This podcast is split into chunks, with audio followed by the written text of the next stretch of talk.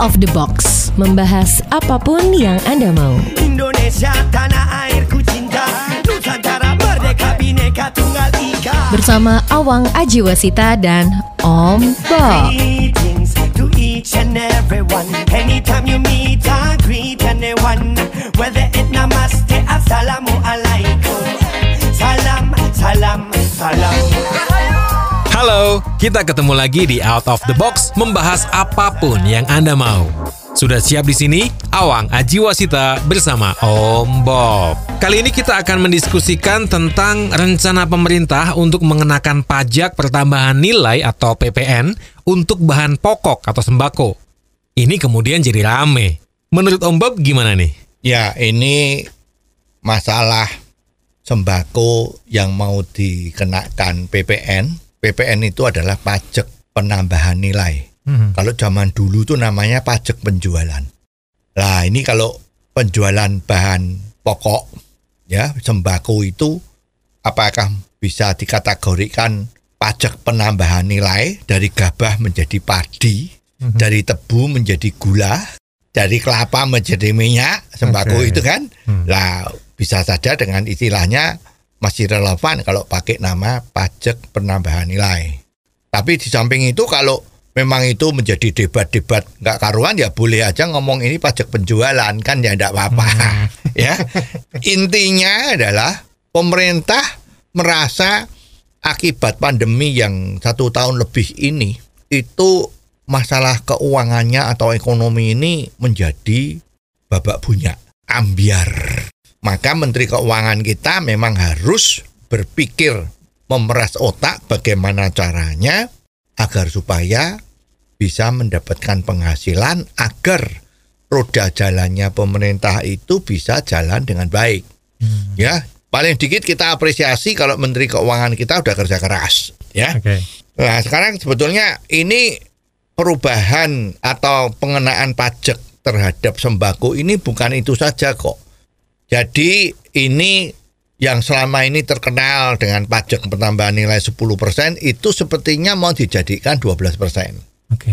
Ada penambahannya 2%. Tetapi juga sebaliknya ada beberapa pajak PPN yang diturunkan. Jadi variasinya itu nanti antara 5% sampai maksimum 15%. Hmm. Ini memang tingkat keleluasaan Menteri Keuangan untuk menentukan berapa besar pajak tambahan nilai tadi itu. Ya, seperti kita ketahui di negara-negara lain itu juga terdapat yang namanya pajak pertambahan nilai atau pajak penjualan. Ya, kalau di Singapura itu 7%, itu semua.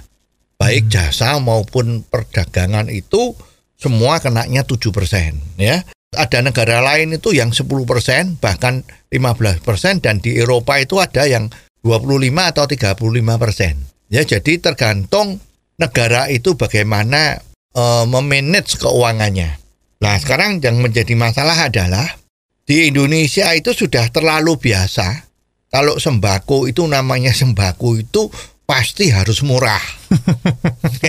jadi kalau ini kena pajak tambahan nilai kan otomatis harganya naik. Betul. Nah, jadi ini semua jadi menjadi pada eh, sewot protes ya sembako kok dikenakan pajak PPN ya. Nah, padahal sebetulnya masalah pajak itu tidak cuman PPN, tapi menyangkut banyak urusan pajak ya. Sekarang itu Oke. peraturan pajak yang baru ini kan salah satunya adalah kemarin ya, itu PPN untuk barang mobil itu dihapuskan selama tiga bulan.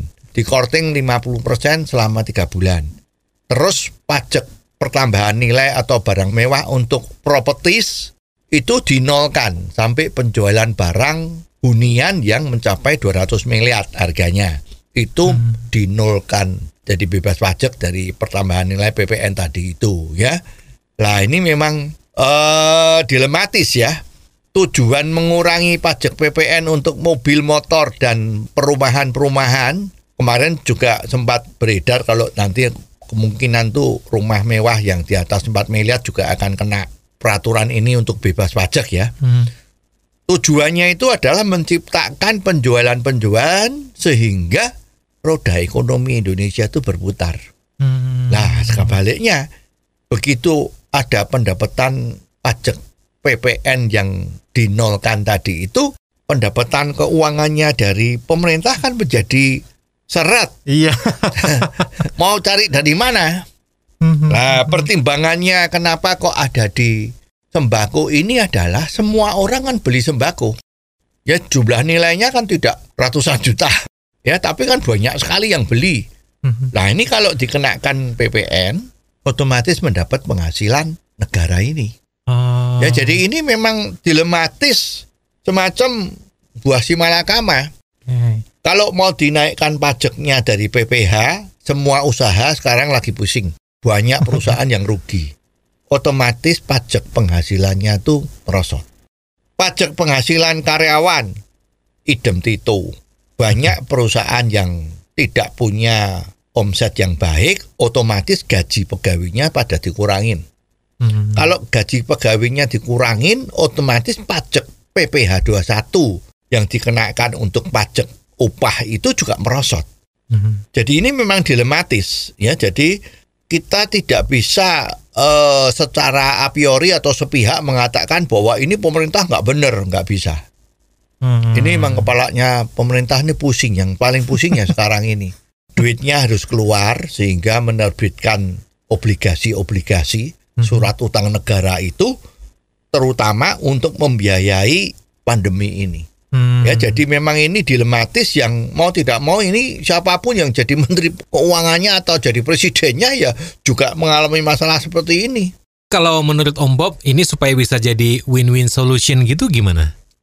Ya ini susah. Ya, susah sekali karena ini situasinya bukan win-win solution lagi. Nggak ada yang win, semua lose. Tapi apakah pajak itu satu-satunya penghasilan dari pemerintah, Om Bob? Ya kalau kita selama ini di Indonesia ini kan kita lihat itu pemerintah kalau ngambil pajak cukup rata ya. Mhm. Memang buat penghasilan pemerintah. Tetapi ada BUMN juga.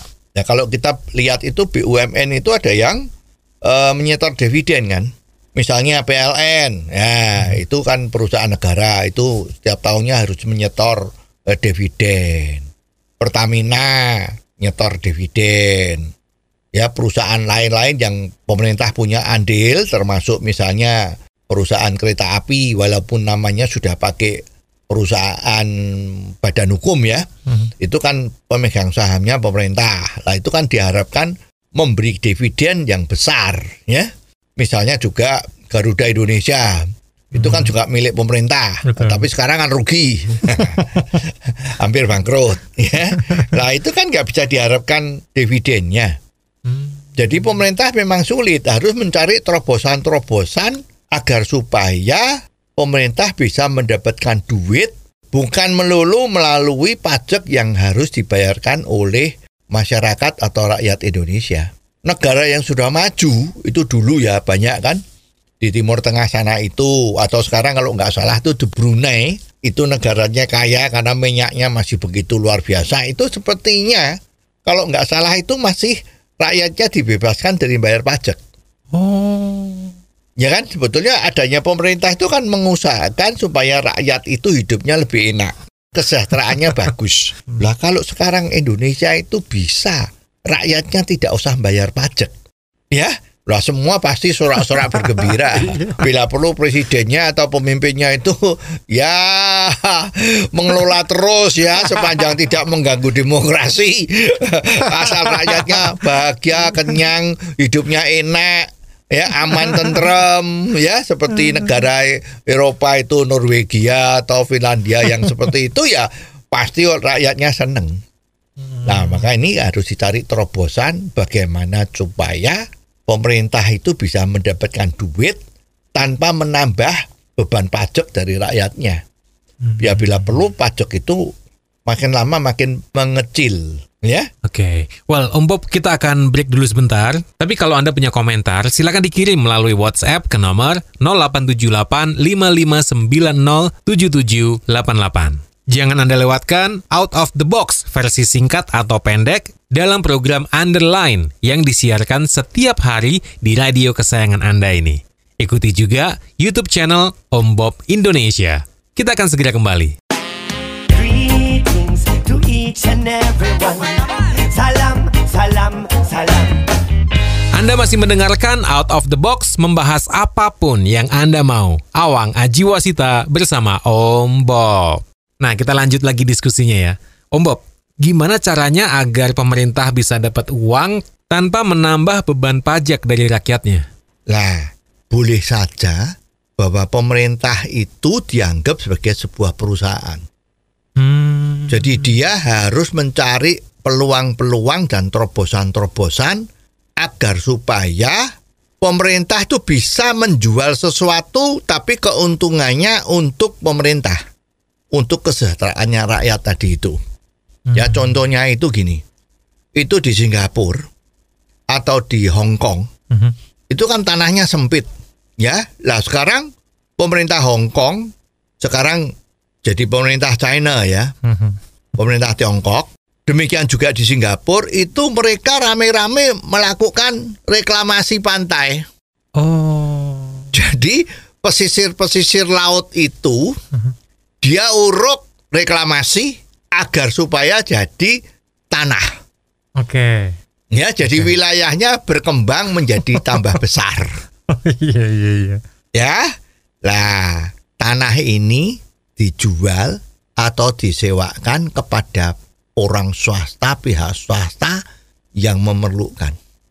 Oh. Lah pemerintah mendapat duit dari sana. Kalau di Indonesia melakukan hal yang serupa, bisa nggak ya?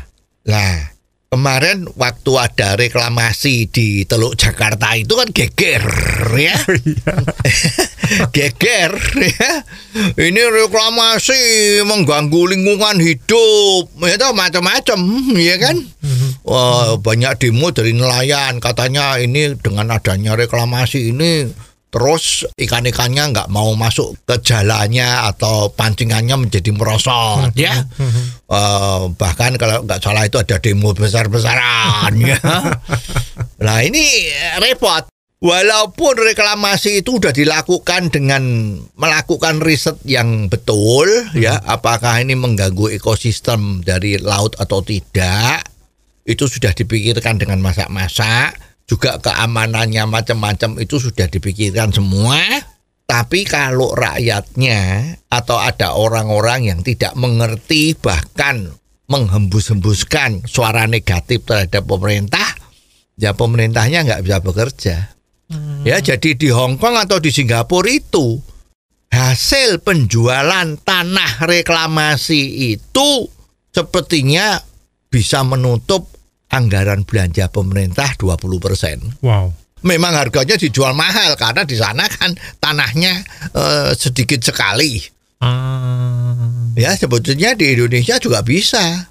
Ya misalnya seperti Jakarta ini ya Jakarta di, di sebelah utara itu kan tanahnya sudah penuh ya.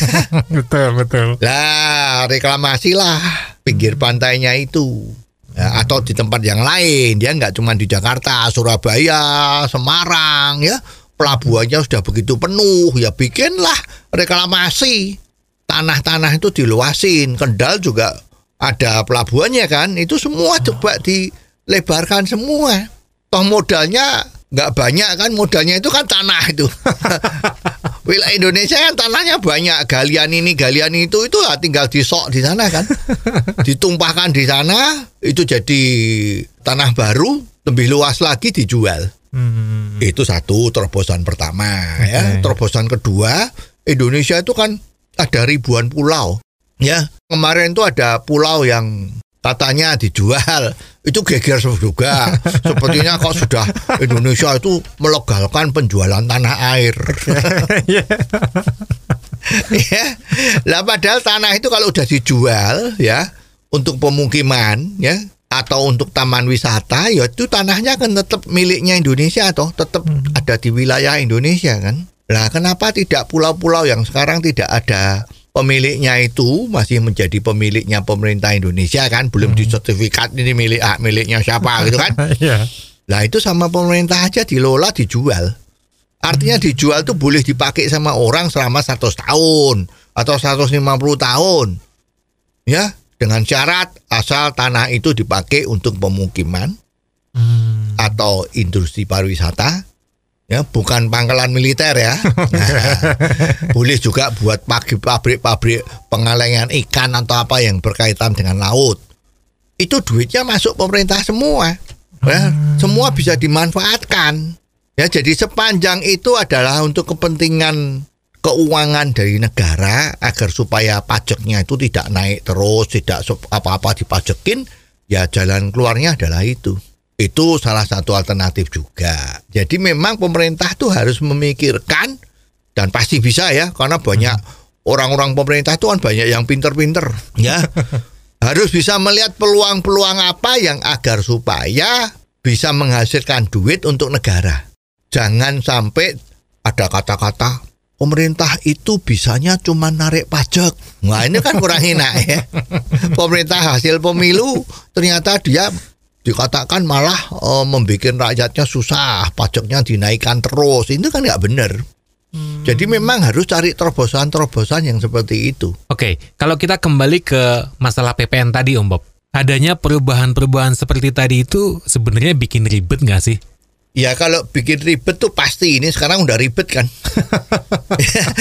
ribet ini, wah ini perlu atau tidak, mestinya jangan begitu macam-macam. Tapi sebetulnya di sini yang paling penting itu adalah apakah dengan adanya perubahan PPN yang seperti ini akan membuat ribet dari segi administrasinya atau tidak. Ya, para pengusaha itu sangat mengharapkan agar masalah perpajakan ini jangan dibuat bulat atau ribet secara administrasi.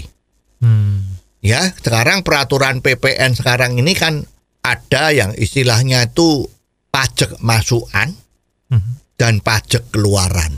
Ya, di mana setiap bulannya itu harus terjadi perhitungan antara pajak masukan dan pajak keluaran. Ya, kredit pajak atau kewajiban bayar pajak itu harus tiap bulan itu diperhitungkan. Dan susahnya lagi, tahunnya harus tahun yang sama. Jadi kalau ada urusan pajak yang bulan Desember, terus nanti bukti-buktinya itu baru keluar pada bulan Januari, itu sudah tidak boleh diperhitungkan lagi. Oh. Ya, Oke.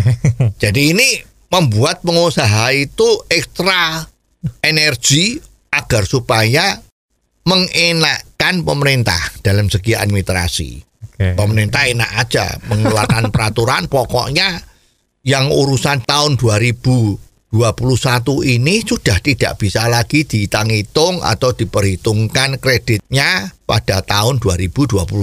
Mhm. Nah bulan Desember itu pasti menjadi ribut nggak karuan itu perusahaan-perusahaan untuk administrasi pajak PPN ini. Oke. Ya. Nah, kan juga banyak itu beredar tuh berita-berita kalau PPN itu ada pemalsuan faktur pajak. Hmm. Nah, jadi seorang pengusaha yang mestinya bayar PPN malah minta restitusi. Wah, menurut perhitungannya itu banyak pajak masukannya ya jadi otomatis ini pemerintah yang harus bayar sama pengusahanya ternyata itu palsu atau fiktif Hmm. ya atau aspal asli tapi palsu ya macam-macam lah itu ya ini karena gara-gara perhitungan pajak PPN tadi itu tidak sederhana ya jadi ini yang jadi repot Well, Om Bob, kita akan break dulu sebentar. Sambil terus Awang ingatkan, kalau Anda punya komentar, silakan dikirim melalui WhatsApp ke nomor 0878 5590 7788. Jangan lewatkan Out of the Box versi singkat atau pendek dalam program Underline yang setiap hari disiarkan di radio kesayangan Anda ini. Ikuti juga YouTube channel Om Bob Indonesia. Kita akan kembali sesaat lagi. Greetings to each and everyone. Salam, salam, salam. Terima kasih Anda masih bersama Awang Aji Wasita dan Om Bob. Out of the Box membahas apa pun yang Anda mau. Kita lanjut lagi ya diskusinya. Om Bob, kalau perhitungan pajak PPN tadi itu dirasa tidak sederhana atau ribet, mestinya gimana dong? mestinya kalau sekarang negara kita itu yang sedang membenahi diri secara pembukuan agar lebih baik, pajaknya tidak lolos, itu ya mestinya pakai sistem yang sederhana. Ya sistem sederhana yang sekarang ini berlaku sebetulnya udah bagus. Ya pajak untuk pengusaha yang omsetnya di bawah 4,8 miliar per tahun itu kan dianggap sebagai UMKM menengah kecil. Jadi kalau sebulan tuh tidak ada omset 400 juta itu dianggap UMKM sehingga pajak PPN-nya itu menjadi tidak ada. Oke. Ya. Terus pajak penghasilannya cuman dihitung setengah persen dari eh, omset yang ada. Ini sangat menguntungkan pengusaha. Kalau ditanya pengusaha, kamu suka yang mana? Pakai perhitungan yang konvensional, artinya omsetnya berapa, modalnya berapa, ongkosnya berapa, terus hasil keuntungannya atau kerugiannya berapa, yuk kita bayarnya berdasarkan itu. Menurut pengalaman banyak pengusaha, itu banyak peluang-peluang yang membuat kepala pengusaha itu pecah.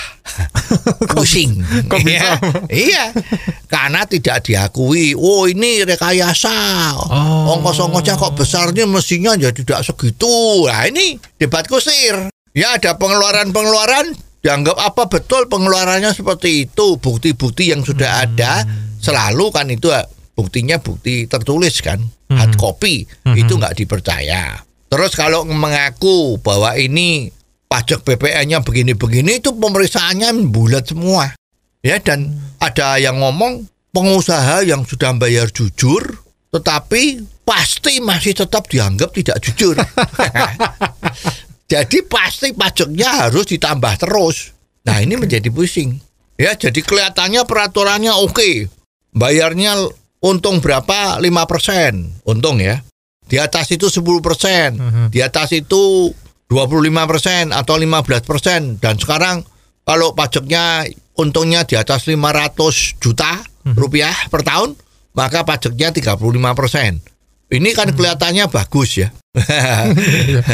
Tapi ya di balik itu terjadi perhitungan-perhitungan yang sering-sering eh, menjadi perdebatan antara petugas pajak sama pengusaha. Ini yang bikin pusing ya banyak celah-celah ya, itu banyak sekali kan terjadi kan bahwa pengusaha bertatap muka dengan oknum petugas pajak. Nah, kemarin ada yang ditangkap KPK ya. itu terjadi. Jadi kita tidak bisa- bisa menutupi bahwa itu tidak terjadi. Ya apalagi besok ada peraturan yang baru ini bahwa petugas pajak itu mempunyai wewenang besar sekali untuk menangkap dan memasukkan dalam penjara kalau ada pengusaha yang dituduh membayar pajaknya tidak benar. Oke. Istilah kerennya itu menggelapkan pajak. Kita lihat di Amerika di film-film itu kan begitu petugas pajak begitu punya eh, kekuasaan yang gede sehingga orang yang tidak bisa dijerat secara kriminal nah ditarik celahnya apakah ini melanggar undang-undang perpajakan makanya langsung ditangkap masuk pengadilan menggelapkan pajak hukumannya berat. Nah ini kalau Indonesia dilakukan seperti ini bahaya tanpa mengurangi arti dan rasa hormat terhadap para pejabat atau oknum pejabat dari kantor pajak ya. Oke, oke. Kita salut dengan kerjanya mereka ya tanpa mengurangi arti dan kehormatannya mereka. Tapi kalau di Indonesia diterapkan seperti itu, mungkin loh ya urusannya orang dengan kantor pajak itu bisa lebih banyak daripada orang yang bikin SIM. ya karena wewenangnya begitu gede. Sedikit-sedikit ini salah, sedikit ini salah. Susah ini. Jadi kalau mau ada peraturan baru harus dipikirin apakah aparat yang menangani masalah ini sudah bisa benar. Mentalnya sudah oke, integritasnya sudah oke atau tidak. Makin sederhana pajak itu dibuat aturannya, pengusaha itu makin seneng. Hmm. Sebetulnya pemerintah juga enak. Ya, pemerintah kan pinter, harus sudah punya yang namanya acuan-acuan, Hmm. ya. Acuan itu patokan ya. Oke, oke. bukan cuman masalahnya cuan. Sekarang kan di televisi itu banyak bilang cuan, cuan, cuan, cuan itu keuntungan ya. Kan? Memang pengusaha yang carinya cuan ya. Tapi kalau acuan itu adalah patokan-patokan. Misalnya sebuah toko eceran kelontong ya di kotanya penduduknya berapa, Oke. ukuran tokonya luasnya berapa, Mhm. lokasinya di jalan utama atau jalan kelas 2 itu kan bisa dipilah-pilah ya. Hmm. bisa didetailkan seperti itu. Oleh sebab itu, toko yang seperti ini pajaknya misalnya lo ya Mhm. Setengah persen dari omsetnya pajak penghasilan ya. Mhm. Mhm. Kalau ukurannya lebih gede atau bagaimana berarti satu persen. Hmm. Itu kalau perusahaan retail itu kan data-datanya pemerintah ada. Kalau nggak ada ya tinggal minta sama luar negeri ya di sana bagaimana begitu. Ya kalau ukurannya toko itu lebih kecil dari berapa, lokasinya di jalan yang bukan utama, kota dengan penduduk yang di bawah 20 ribu orang misalnya ya penduduknya, itu maka pengusaha ini pajaknya nol. Wah, itu berarti bagus.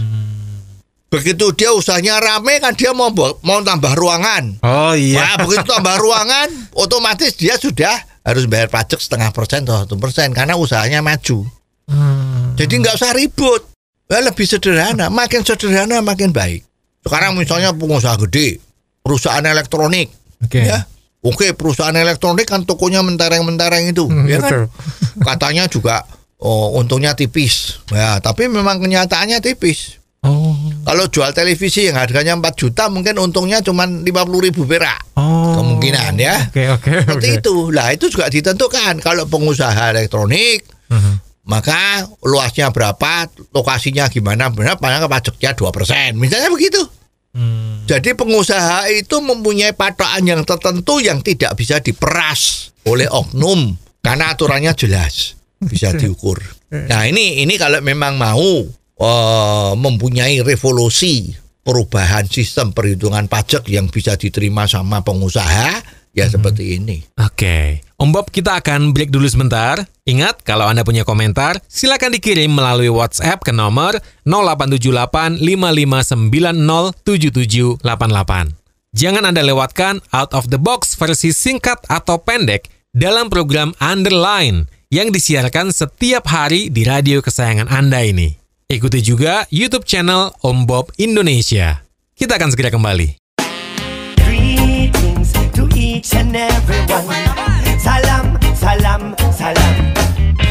Anda masih mendengarkan Out of the Box membahas apa pun yang Anda mau. Awang Ajiwasita bersama Om Bob. Kita lanjutin lagi diskusinya ya. Om Bob, apalagi sih contoh perubahan sistem perhitungan pajak yang bisa diterima oleh para pengusaha? Ya, sekarang ada juga misalnya ini ya. Pajak restoran ya. Pajak restoran itu kan di mana-mana di seluruh Indonesia kalau nggak salah 10% kan. 10 persen. Ya. 10% itu kalau zaman sekarang itu kan juga berat. ya, Betul. untuk rumah makan yang sederhana yang sasarannya itu bukan turis asing. Mhm. Ya, kalau turis asing itu memang datang ke satu negara kan siap untuk buang duit.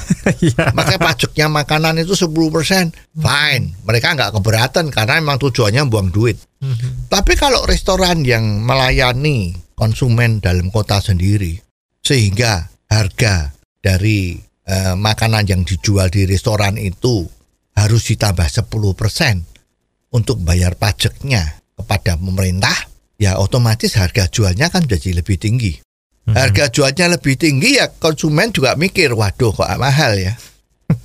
nah biasanya itu selalu dikatakan, loh yang bayar pajak ini kan bukan pengusaha. Jadi pengusaha tidak boleh protes. Karena nih yang bayar pajak ini kan Konsumen, ya. konsumen.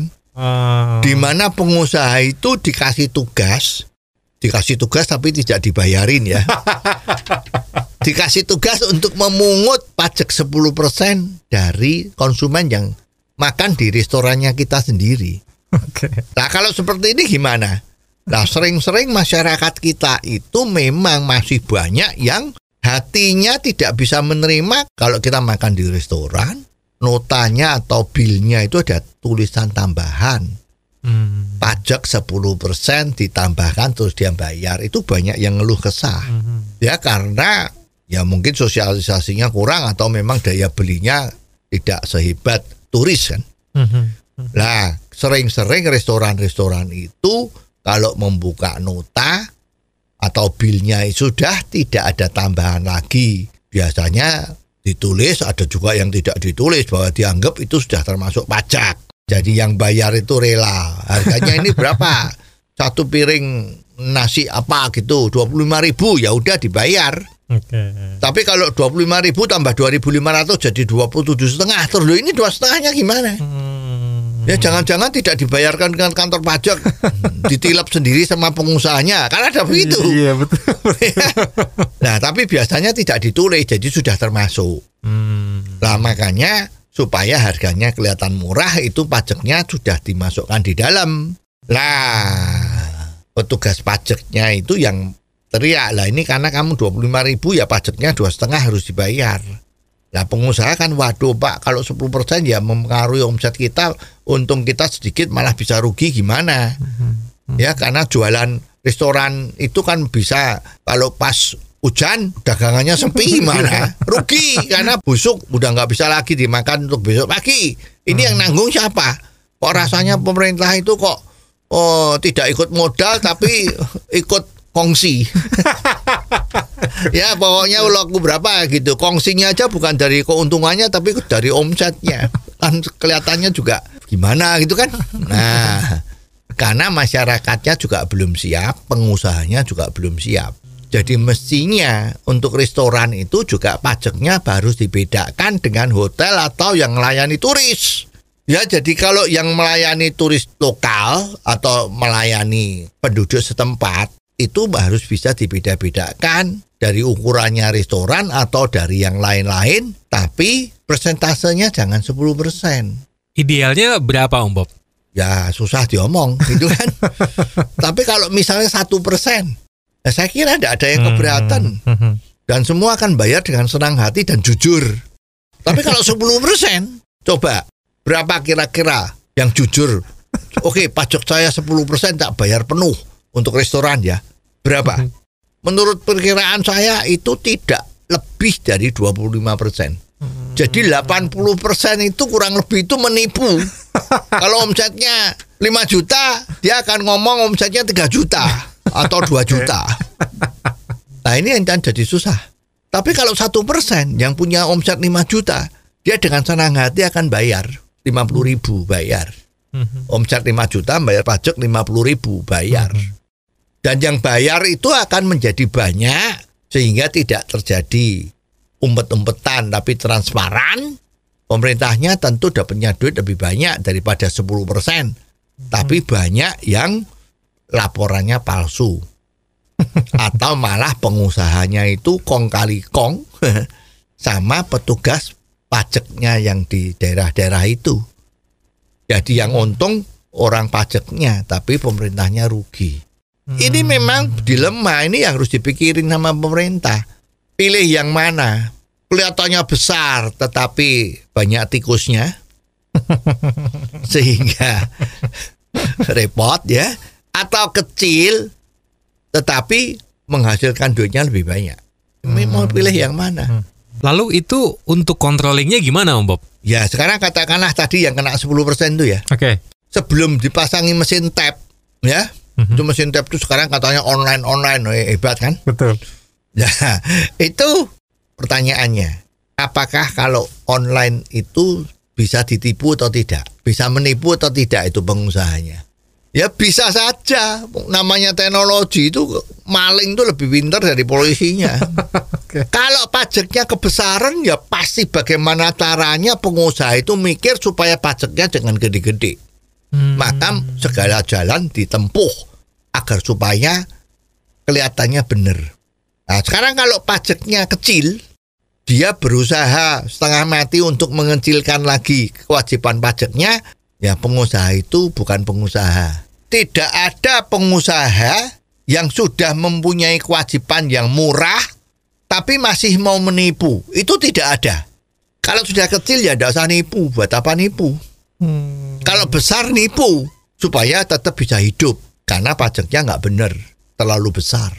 Walaupun sudah dipasangi macam-macam, tetap bisa ada jalan keluarnya untuk menipu agar bayarnya sedikit. Nah, di sini kalau masalah kontrol menjadi penting sekali kan. Bagi yang pajaknya sudah diturunin cuma satu persen misalnya ya, Oke. pajaknya satu persen dan sudahnya nggak usah ribut mesti harus dibayar. Kan? Iya. Nah terus ini yang penting kontrolnya. Begitu ada yang ketemu orang yang tidak jujur di dalam melaksanakan pajak tadi itu yang sudah murah ya, Oke. itu ya dendanya luar biasa. Ya, bila perlu usahanya ditutup, orang yang bersangkutan masuk blacklist tidak boleh lagi buka usaha restoran. Nah, misalnya Oke, gitu. oke, oke. Takut kan? Iya. Jadi dia mau tidak mau jujur karena sudah murah. Ya, tapi kalau sekarang pajaknya gede tetapi tidak jujur waktu diperiksa, biasanya ada peluang-peluang dengan oknum-oknum yang periksa tadi dengan sebanyak alasan sehingga pemeriksa itu hatinya iba. ya udah kasih Anda ini pajaknya memang besar, ya. Tidak bisa hidup. Ya udah saya tutup mata, tapi gimana ini ucapan terima kasihnya? Lah, ada peluang kan? Tinggal pemerintah tinggal mau milih yang mana aja, itu yang terbaik. Jadi pemerintah harus punya political will agar supaya pembayaran pajak itu sederhana, Oke. murah, tidak banyak tikusnya. Dan itu pasti bisa kok. Kalau nggak bisa, Gitu kok repot. Kalau nggak bisa ya cari konsultan. Hmm, ya pasti bisa. nggak ada yang nggak bisa. Tinggal kemauannya ada nggak. Oke. Jadi Om Bob, masalah pajak ini gimana ya? Ya diperlukan bukan evolusi tapi revolusi secara keseluruhan. Baik pajak yang sifatnya nasional dari Menteri Keuangan maupun pajak-pajak yang ada di daerah yang biasanya peraturannya diterbitkan oleh Pemda.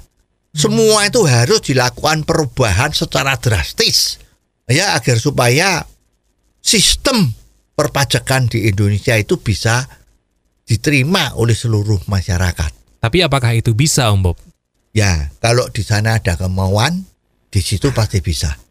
Memang akan sakit, ya. Selama ini yang menikmati upeti-upeti akan sakit.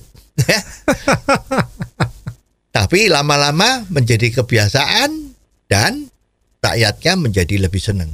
Itu tujuan kita untuk bernegara. Jadi yang dipentingkan adalah kepentingan negara. Oke. Dan sekian episode kali ini. Terima kasih untuk kebersamaan Anda. Ingat, kalau Anda punya komentar tentang apa pun juga yang bisa kita bahas di sini, silakan kirim WhatsApp ke nomor 0878 55907788. Dan jangan Anda lewatkan Out of the Box versi singkat atau pendek yang setiap hari disiarkan di radio kesayangan Anda ini. Anda pun juga bisa mengikuti YouTube channel Om Bob Indonesia. Sampai ketemu di episode selanjutnya, Awang Ajiwasita bersama Om Bob. Tentunya di Out of the Box membahas apa pun yang Anda mau. Out of the box. Membahas apa pun yang Anda mau.